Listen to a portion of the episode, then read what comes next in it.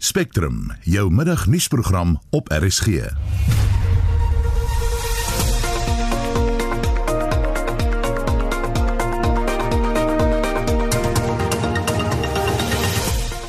In die program die Universiteit van Stellenbosch verwerp die DA se bewering dat die rektor, professor Wim de Villiers, glo 'n herhalende houding teenoor Afrikaanse moedertaalonderrig by die instelling inslaan. Die Universiteit van Kaapstad en die Universiteit van die Witwatersrand in Johannesburg begin binnekort met kliniese toetse om te bepaal of die inenting teen masels, Duitse masels en pampoentjies, bekend as MMR, beskerming teen COVID-19 bied. We think that the vaccines work by two possible mechanisms. The first is that these vaccines can train immune response to basically respond more strongly to infections. And the second is that there might be some cross protection and because all the viruses share some similarity. And so the antibodies produced by the MMR vaccine could also protect against SARS-CoV-2. En 'n opname oor die pryse van die kosmandjie in verskillende dele van die land wys hoe skerp kospryse in sommige gevalle gestyg het. Die pryse van daardie mandjie het gestyg met iets soos R230 vanaf die begin COVID-19. Sal dit gebeur dat baie huishoudings nou veel honger sal raak? Goeiemiddag, my naam is Susan Paxton.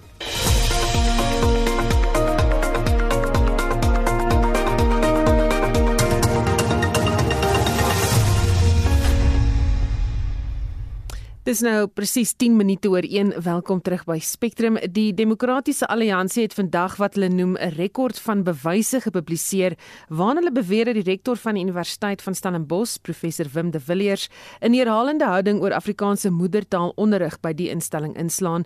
Die DA maak ook aannames dat de Villiers gesprekke gehad het met oudregter Edwin Cameron terwyl hy besig was om 'n uitspraak oor die afskaffing van Afrikaans as 'n gelyke onderrigtaal aan die ES in die Grondwet hof te skryf. De Villiers was 'n respondent in die saak en ons praat nou met die DA se kiesafdelingshoof in Stellenbosch, Dr Leon Schreiber. Goeiemôre Leon. Goeiemôre en middag aan die luisteraars. Is die bevindinge wat vandag as bewyse gepubliseer is tydens 'n ondersoek oopgekrap wat die DA aangevra het? Uh die ja, die die bewyse wat ons uh, gister gepubliseer het is uh die volle rekord van uh van die ondersoek wat ons aangevra het so 'n paar maande gelede.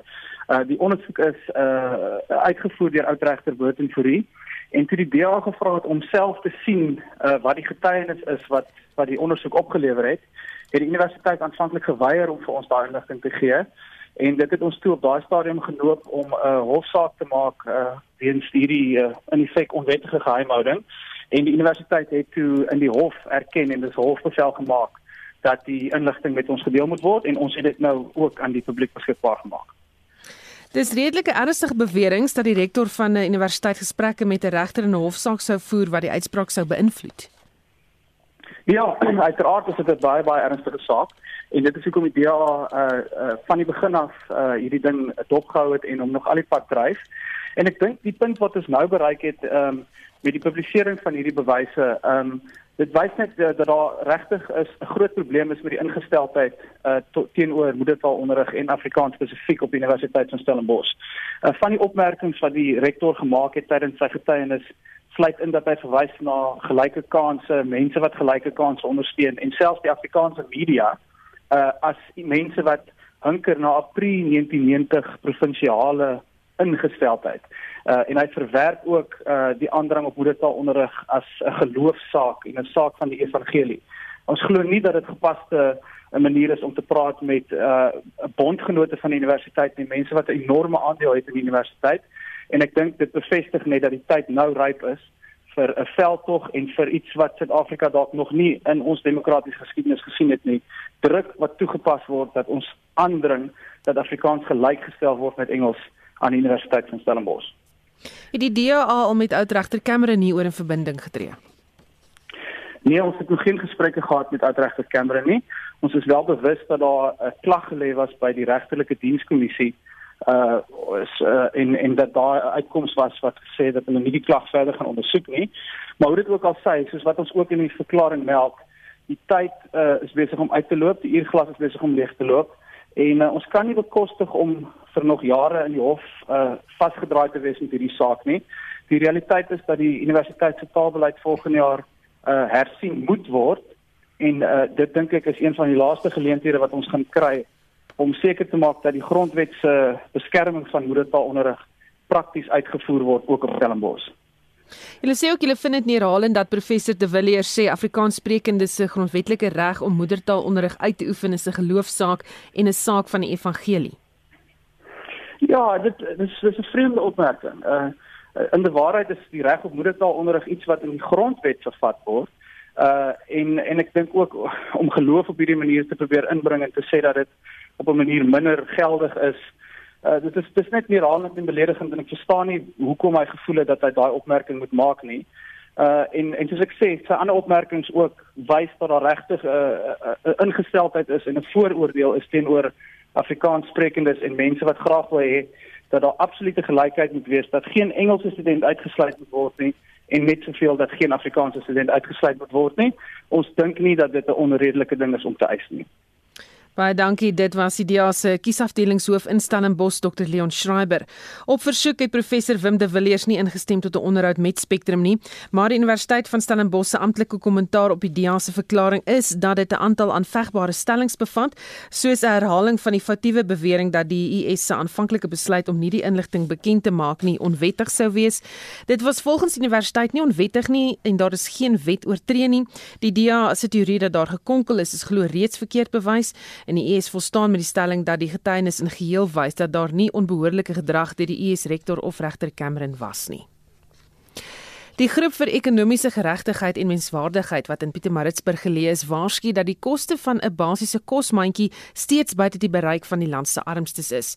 Die gemiddelde kosmandjie is volgens die groep nou meer as R3900, dit terwyl die minimumloon maar sowat R3500 is. Die groep het intussen die prys van hierdie kosmandjie in die land se grootste stede, soos Kaapstad, Johannesburg en KwaZulu-Natal, met kleiner dorpies soos Springbok in die Noord-Kaap vergelyk, maar hulle het verseë meer besonderhede. Mervin Abrams, die projekkoördineerder van die groep, sê die koste van verskeie basiese voedselsoorte het gestyg, soveel so dat verbruikers nou R60 meer daarvoor betaal as verlede maand. Die kos wat die grootste bydra tot die prysstygings is mieliemeel wat gestyg het met R4.17 per 30 kg mieliemeel. 'n 5 kg suikerboor wat gestyg het met R8.16 'n 5 liter kookolie wat gestyg het met R2.28,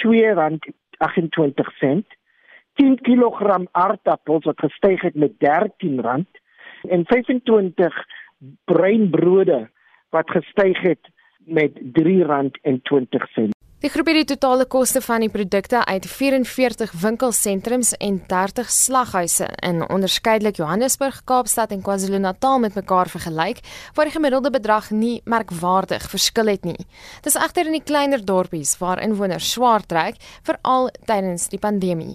En Springbok kos daar dieselfde mandjie R4034 omdat die kos natuurlik vervoer moet raak oor groot distances Hulle is veral bekommerd oor wat met arme huishoudings gaan gebeur wanneer die COVID-19 toelaag opgeskort word. Die pryse van daardie mandjie het gestyg met, met iets soos R230 vanaf die begin COVID-19. Sal dit gebeur dat baie huishoudings nou veel honger sal raak? Hulle sal minder kos koop en dit wil sê hongersnood sal opskuif of huishoudings sal moet gaan in dieper skuld. Tussen nou en Kersfees voorspel Abrams dat die kosprys gaan aanhou styg en dat meer gesinne die jaar weens die pandemie baie swaar gaan trek. Ons moet help dat families nie honger ly nie. Tweede ding is ons moet kyk na die ekonomie.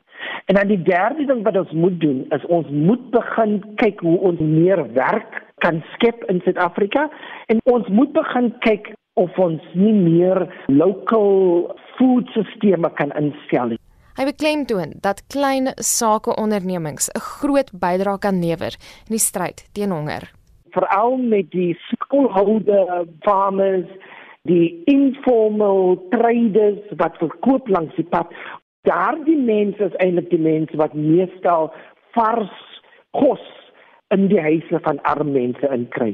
So die regering moet begin kyk hoe ons daardie twee groepe in ons ekonomie kan help. Dit was Mervin Abrams, die projekkoördineerder vir Pietermaritzburg se groep vir ekonomiese geregtigheid en menswaardigheid.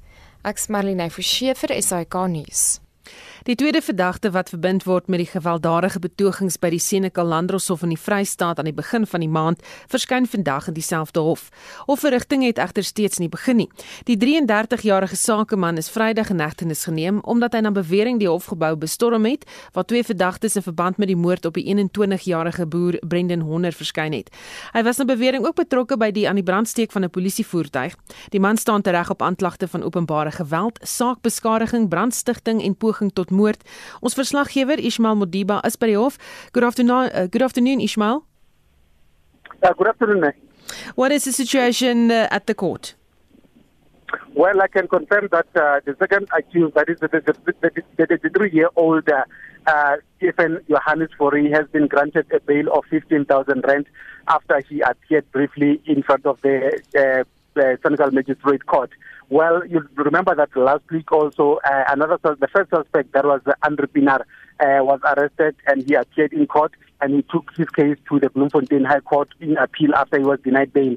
And today, this morning, the Bloemfontein High Court has also granted Andre uh, Pinar a bail of 15,000 rand. Today, as well, uh, the second suspect, who, uh, like I said, uh, uh Bori, was also granted bail, and his case has been postponed to November 20th for another bail uh, for for, for as, as the investigation continues in this matter. Were there anybody outside of the court? Well, mainly it was uh, uh, police family who were very emotional after he was granted bail. Uh, it was only the police who were there, just a, a large number of police to ensure that there is, uh, you know, no no disturbance to the court proceedings. So, with regard to last week, uh, the number of people that were there last week, it was totally peaceful and quiet, except the police family who were, were there to support their member of the family, and they showed they were very emotional outside court after their member, their family member was granted bail. Baie dankie dit was ons verslaggewer Ismail Modiba in Senekal. Die Nigeriese pastoor Timothy Omotonso se vrou Taiwo getuig vandag in die Hooggeregshof in Port Elizabeth op dag 10 van haar man se borgtog aansoek. Die hofsaal moes egter ontruim word nadat 'n brandalarm afgegaan het. Taiwo se getuienis oor Omotonso se woonadres is een van die aspekte wat oorweeg word voordat borgtog toegestaan word. Hy word saam met twee ander verdagtes van meer as 90 seksuele oortredings by die Jesus Dominion Church aangekla. Ons verslaggewer Veronica Frie woon die verrigtinge by en ons praat nou met haar. Goeiemôre Veronica. Goeiemôre Susan. Die hof moes vandag word weens die brandalarm wat afgegaan het. Wat weet ons daarvan?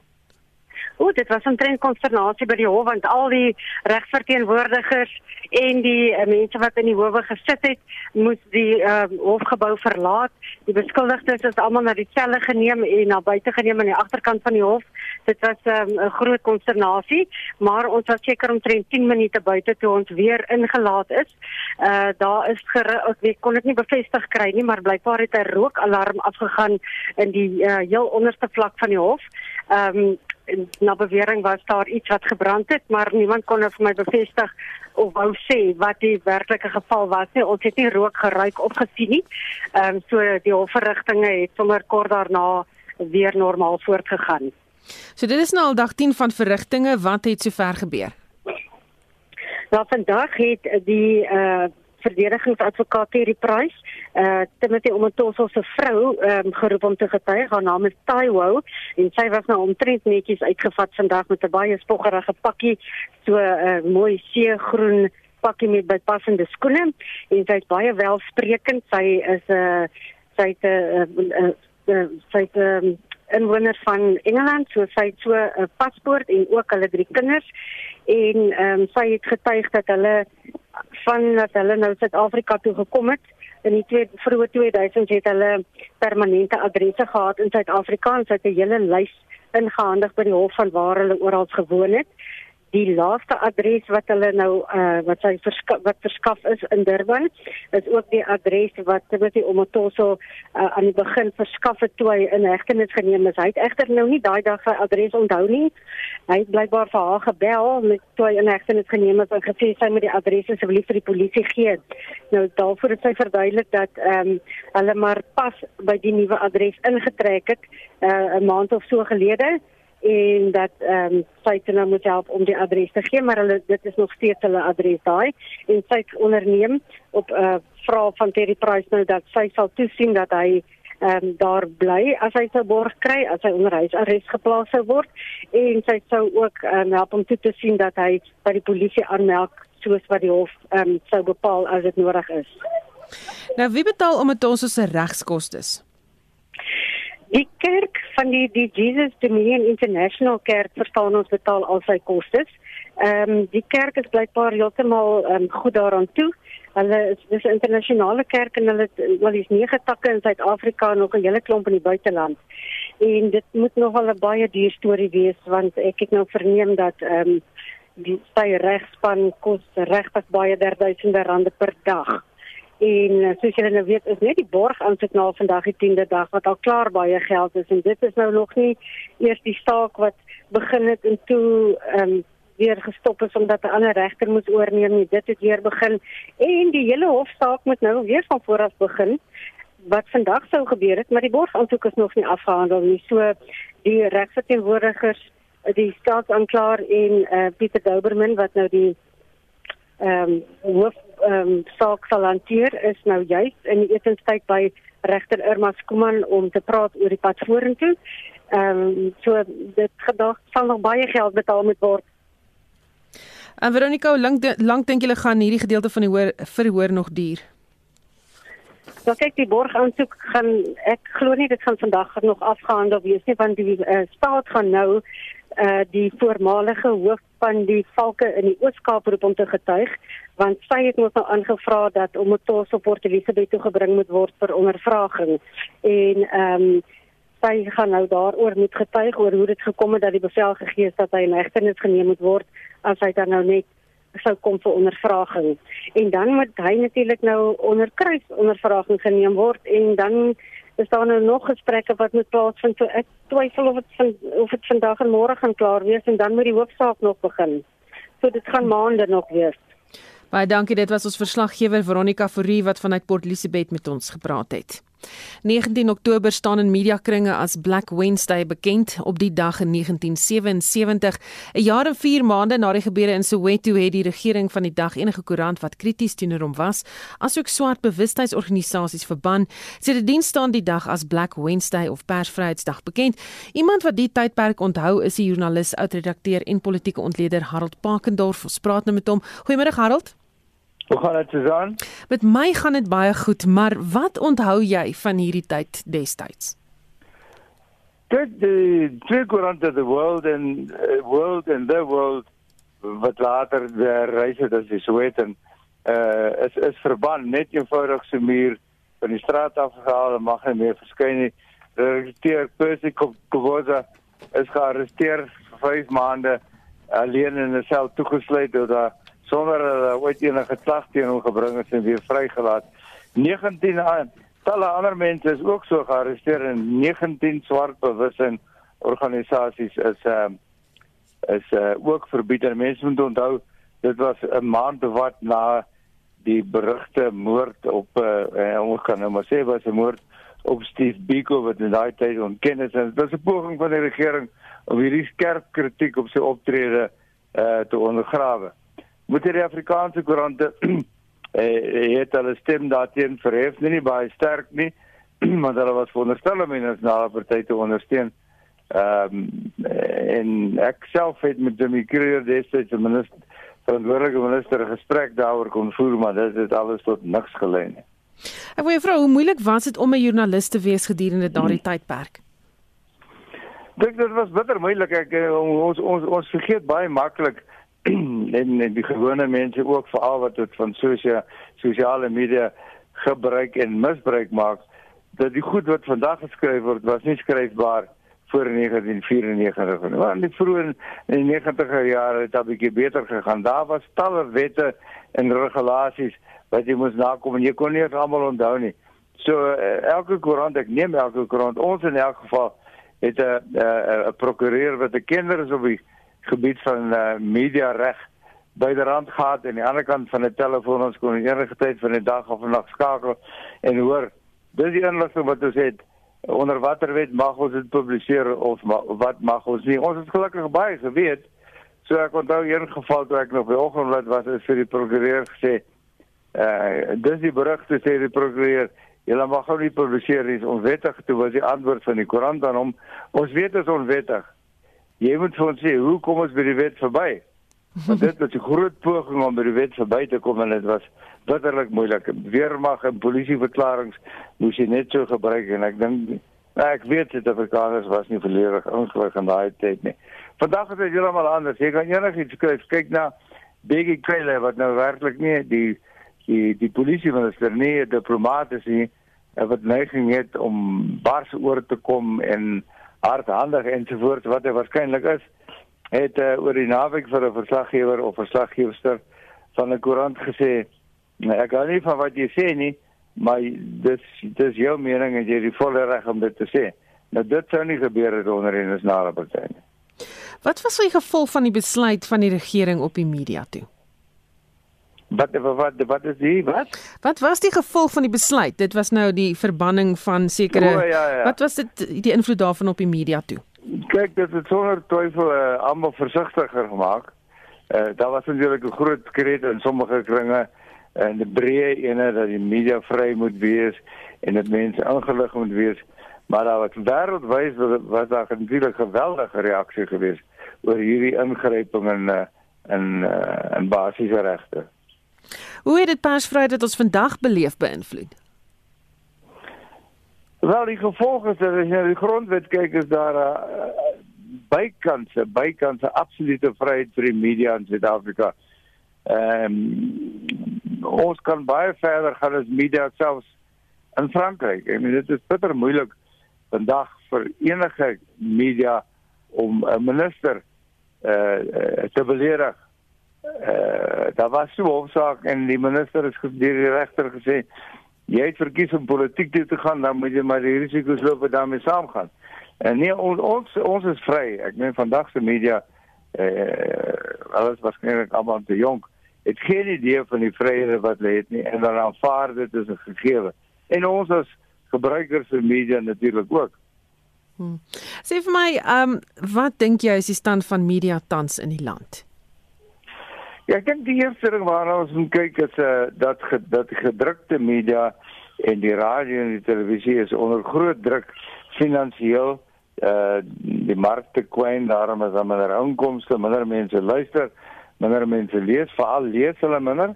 Hulle begin stadig aan 'n bietjie meer luister, maar dit is baie moeiliker as, as wat dit was van tevore uit 'n kommersiële oogpunt. Die sosiale media daarin wat al sterker word, ehm um, is so gevul met vooroordeel dat daar byna geen oordeel oor is nie. En enigiemand wat die sosiale media gebruik, moet maar versigtig wees wanneer die mense wat skryf en daarin deelneem, druk hulle eie verwoede gevoelens uit wat normaalweg nie gebaseer is op uh, op werklike feite nie. Hmm. En net laastens as jy raad het vir joernaliste, mense wat die media uh, toepas, uitoefen en lees, wat sal dit wees? Dit maak seker, maak seker, maak seker voordat jy publiseer en moenie huiwer om navraag te doen nie. Ek noem vir jou voorbeeld net vinnig. Ek lees vandag 'n berig dat uh, en dit is 'n groot berig. Die Amerikaanse regering het ingestem om 'n Suid-Afrikaanse maatskappy te help om uh, om 'n kerninstallasie in Suid-Afrika op te 'n kernkraginstallasie en die maatskappy se naam is NewScale. Maar die vraag wat ons onmiddellik moet behoort te vra is: wie is NewScale? Is dit kaders van die ANC, is dit iemand wat familie het op 'n plek, waar kom die mense vandaan? Het hulle kennis, het hulle geld? En er, er, ek hoop dat daar navraag gedoen word en ek dit môre in die media sal sien. Baie dankie. Dit was die joernalis, oudredakteur en politieke ontleder Harold Pakendorf wat gepraat het oor Black Wednesday en uh, hoe hy dit beleef het. Jy luister na Spectrum elke weekmiddag tussen 1 en 2. In die program die Universiteit van Kaapstad en die Universiteit van die Witwatersrand in Johannesburg begin binnekort met kliniese toetse om te bepaal of die inenting teen masels, Duitse masels en pampoentjies, bekend as MMR, beskerming teen COVID-19 bied. We think that the vaccines work by two possible mechanisms. The first is that these vaccines can train immune response to basically respond more strongly to infections. And the second is that there might be some cross protection and because all the viruses share some similarity. And so the antibodies produced by the MMR vaccine could also protect against SARS-CoV-2. En 'n spesiale ondersoekeenheid het aanbeveel dat tigstappe gedoen word teen meer as 5500 Eskom werknemers oor 'n reeks wandade. Van die klagtes is dat sommige werknemers nie verklaar het dat hulle sake met Eskom doen nie.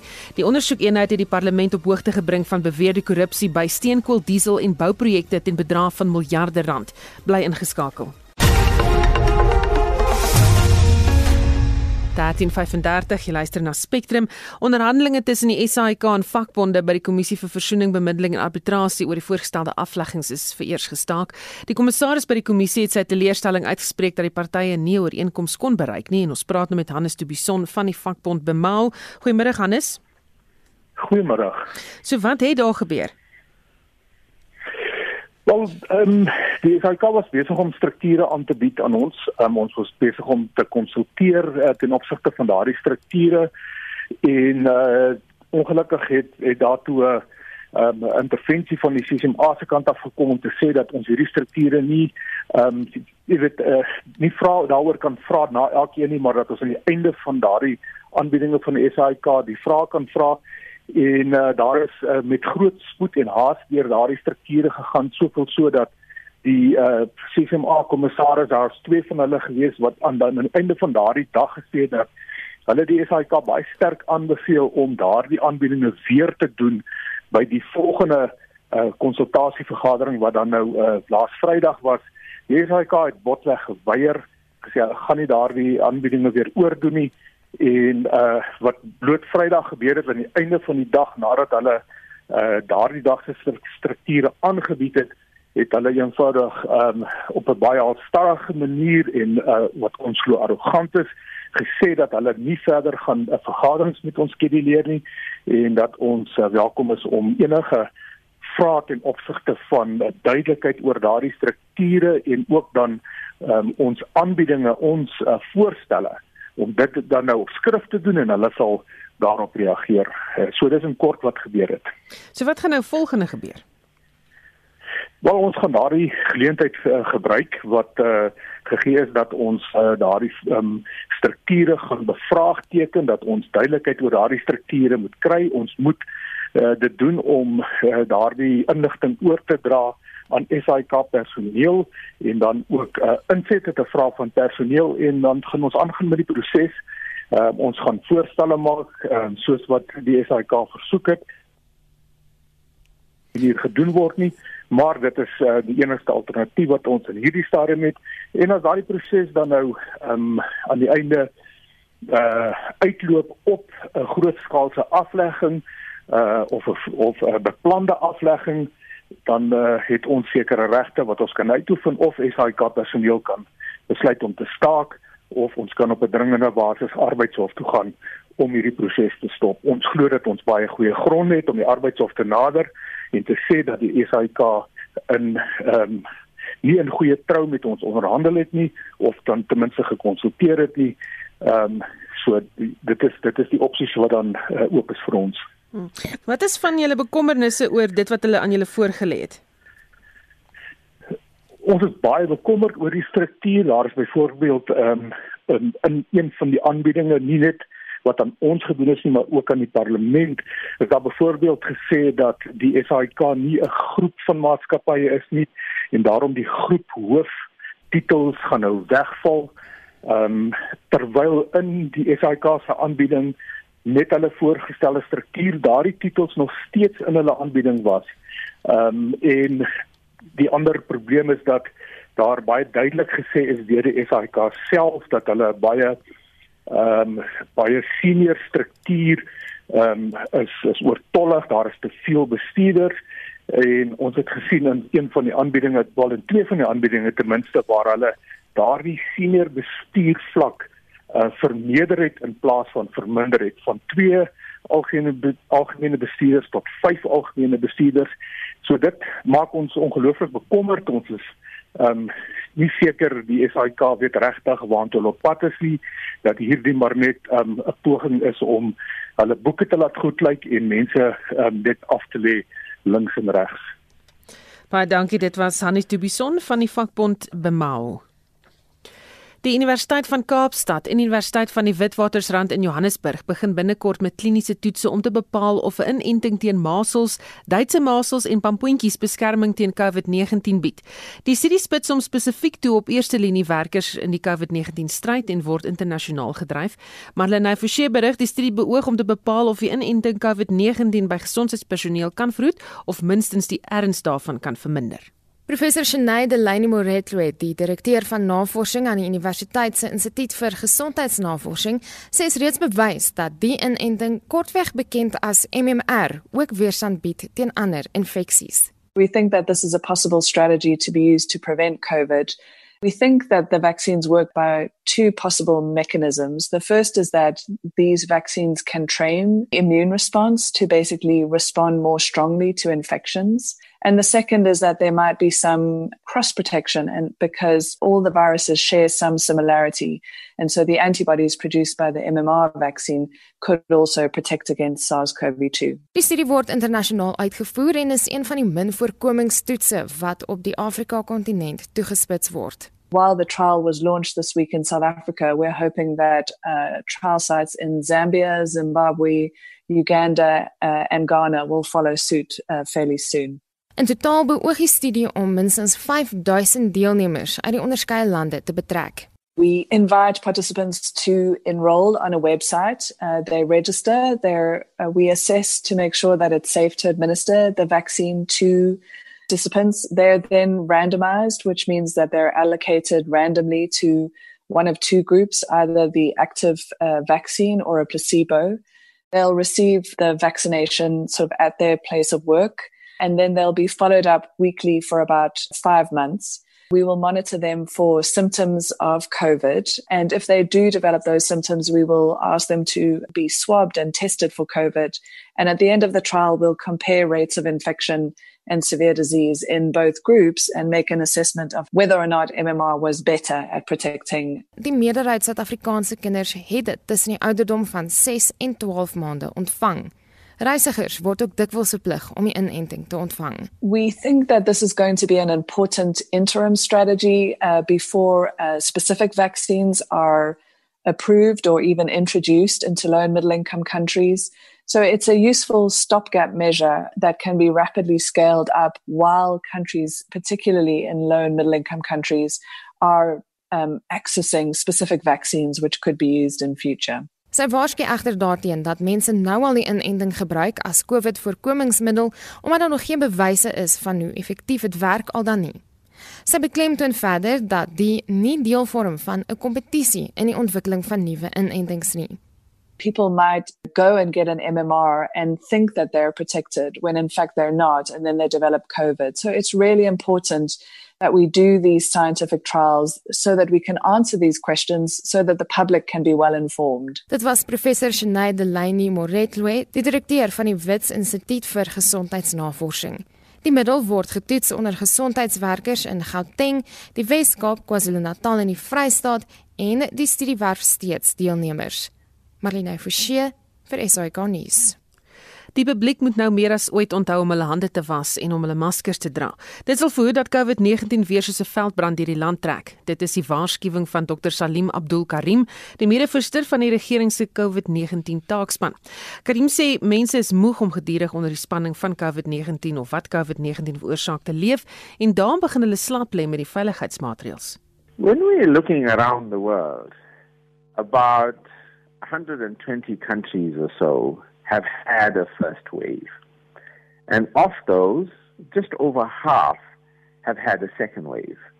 When you look at the second wave and what has led to the second wave, it's been quite a varied set, uh, of conditions.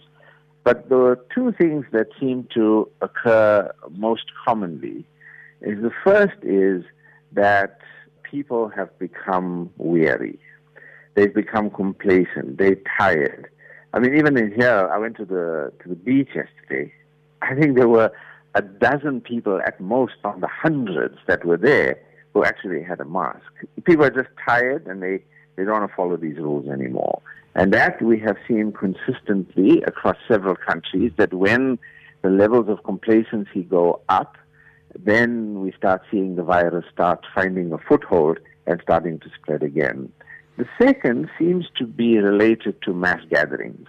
That mass gatherings have played a role in several countries, the second wave, for example, in South Korea, where either religious gatherings or funerals or any, you know, these gatherings present quite a high risk Beide die minister van gesondheid Zweli en sy vrou Dr May Mkhize het ook intussen positief vir COVID-19 getoets. Karim sê hulle is optimisties oor die diagnose. I'm optimistic that both Dr May Mashego Mkhize and uh, Dr Zweli Mkhize will be able to uh, ride this out and we are desperately looking forward to them coming out of this and uh, you know getting back into the road because his role has been so central in our response. Karim sê mense gaan hulle optrede ingrypend moet verander want die siekte is hier om te bly. You know, behavior change is very difficult. I've spent the last 30 years working on HIV and fundamentally HIV is controlled by behavior change. And there is simply, you know, every corollary from HIV in terms of behavior change also applies to COVID-19. So we need to get people to change their behavior. But there's this big no versus do gap so people know that they have to wear masks. They know that they have to social distance. It's not that they don't know. It's just that they they either just don't want to or they it's just too much effort to do that. Karim sê mense moet steeds wegbly van groot byeenkomste af. Well, I had been hoping that we had reached a stage where we had come to learn to live with this virus and that you know we would pretty much have a low level of transmission. Roughly somewhere between 1,000 and 2,000 cases per day, or even below that. So that translates into somewhere between 2 and 5 per 100,000 uh, cases, uh, population per day. If we can keep it to that sort of level, and it, that would be sort of like an endemic level, what I call a sort of simmering.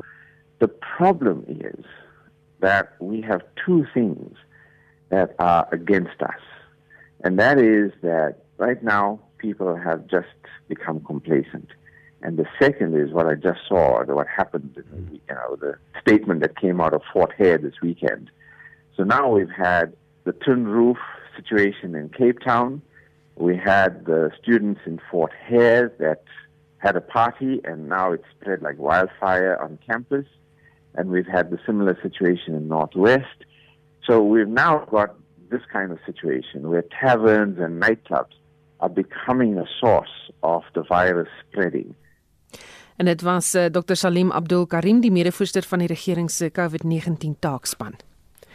Ons beweeg na die sportveld met Shaun Jooste.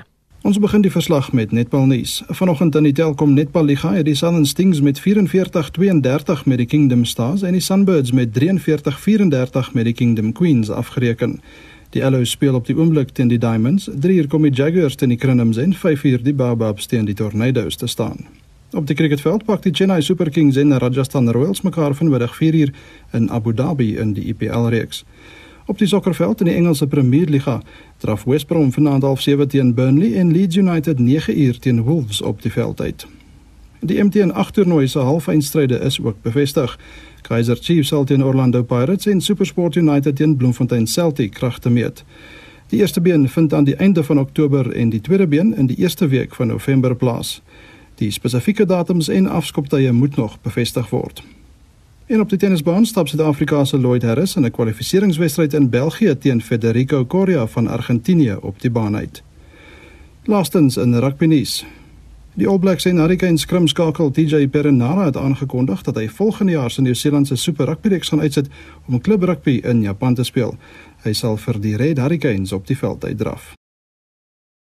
Net was Shaun Jooste van RSG Sport. Thank you.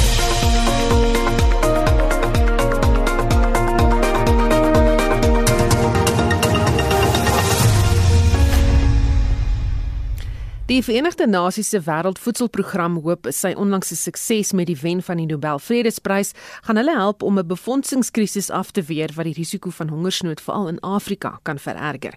Die Nobelkomitee het die eer aan die WFP gegee vir sy stryd teen hongersnood en projekte om vrede te bewerkstellig. Darren Taylor berig. Die WFP het tot dusver vanjaar kos aan byna 140 miljoen hongermense gegee. There's so much going on in the world that we sometimes forget the 630 million people who go to bed hungry every night. Michael Dunford lei die program se operasies in Oos-Afrika. By recognizing the World Food Programme, the Nobel Committee is also extending that recognition to that sizable population of people who simply do not have enough food at the end of every day.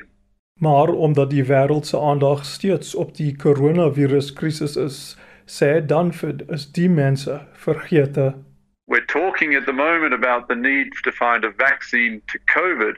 There is already a vaccine for hunger and that's food. So how can we along with our partners emphasize the need to be able to feed people and that's what we're hoping that the Nobel Prize will do to give recognition to our work, but more importantly, draw attention to the needs of the hungry people around the world. Die Nobel Komitee sê die pandemie het weer eens die belangrikheid van die VVP na vore gebring. COVID has been yet another shock. So in addition to the conflict, in addition to the flooding that's occurred across the continent this year, in addition to the locust plagues that have been affecting much of Eastern Africa, COVID has further exacerbated the situation. Die komitee het die program geloof vir sy vermoë om sy werk te verskerp. Maak nie saak hoe groot die ramp is nie. Dan vir sê sy kantoor het met regering saamgewerk om te verseker ekonomiese aktiwiteite gebeur steeds en dat grense oopgehou word tydens die pandemie sodat kos aan hongermense gelewer kan word. WFP even needed to on behalf of the humanitarian community launch a airline which was able to move humanitarian workers and UN workers to different locations when many of the airports were closed. So we really have been required to step up in a way that is unprecedented. Maar ten spyte van al die harde werk, sê hy COVID-19 het groot skade in Oos-Afrika aangerig. And the projections are that we could see in Eastern Africa a further 70% of people affected by hunger because of the socio-economic impact. People who have lost their jobs, people who are no longer able to go out and find that little bit of money to buy that food to feed their families. Die WFP is grootliks afhanklik van skenkings van ryk regerings, maar dan vir sê hierdie het nou opgedroog omdat hierdie lande besig is met hulle eie ekonomiese rampe as gevolg van die koronavirus. Hy pleit met skenkers om te onthou dat 'n wêreld sonder honger 'n meer stabiele wêreld is. Die Nobelkomitee het dit ook in sy lof vir die program onderstreep dat dit 'n vredesinstrument van voedselveiligheid gemaak het. Dan vir sê konflik is sonder twyfel die grootste aanblaser van hongersnood en voedseltekorte. In Eastern Africa, for example, WFP supporting 3.3 million refugees and 6.6 million internally displaced people. And all of those people, the vast majority, have been displaced from their homes because of conflict. Hy sê as die oorlog maak aanhou, sal die honger voortsleep wat tot meer onstabiliteit en nog meer konflik sal lei. Ek is Darren Taylor in Johannesburg. Die Hooggeregshof het onlangs bevind dat die Suid-Afrikaanse Inkomste Diens wel die reg voorbehou om enige iemand te audit, dit nadat 'n maatskappy die Inkomste Diens se reg hieroor in die hof betwis het.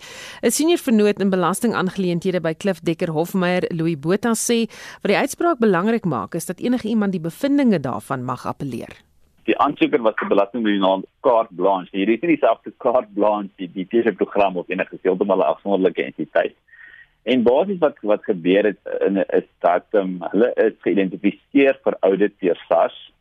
Wat hulle toe nou wou doen is hulle wou die besluit om die audit in te tel in die eerste plek wou hulle op hersiening neem en so besluit is nie onderworpe aan um, beswaar en appel uh, in terme van die gewone belasting um, die prosedures nie.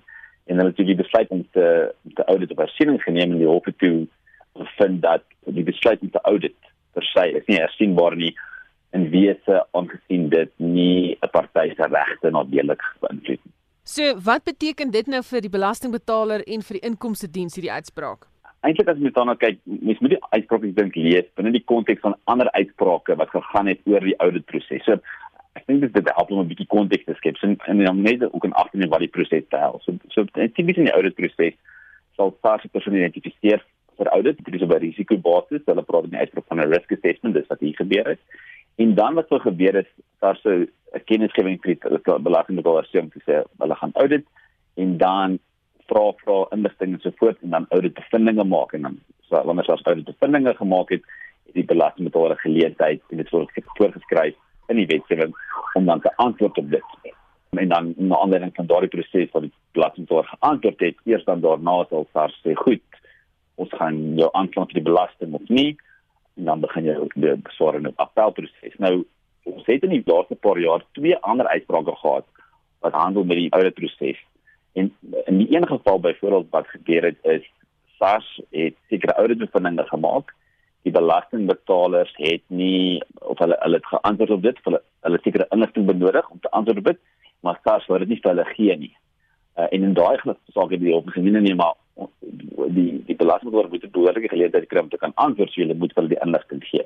So dit is die een saak en dan met 'n ander ander aangeleentheid het SARS nie proses korrek gevolg nie. Hulle het 'n aanklag uitgereik en op grond van die inkorrekte proses het die hof toe die die aanslag van die verpligting om te betaal versyde gestel. So die verskil tussen daardie saak en hierdie saak is en en dat jy dan kan sien dat daar staan 'n bietjie konsekwensies is dat waar daar moontlikheid is dat dit belastingbetaler se regte nadelig beïnvloed word. Dis in die ander twee sake dan daar's nou verpligting om te betaal of daar's nou bevindinge gemaak wat hulle moet antwoord dan het die hof in die guns van die belastingbetaler besluit. Maar wat die belastingbetaler vir hier gevra het is om basies lood die, die reg om te ondersoek dat dit bevraagteken word. En dit maak dan sin eintlik dat die hof sê nee maar wag, vas kan ondersoek. Dis net wanneer hulle bevinding gemaak het. Okay, goed. Nou moet jy 'n kans kry om te antwoord. So in sin daai sin is dit nie noodwendig uh, so kontroversieel. En dit was 'n senior vernoot in belastingaangeleenthede by Klif Dekker Hofmeyer, Louis Botha.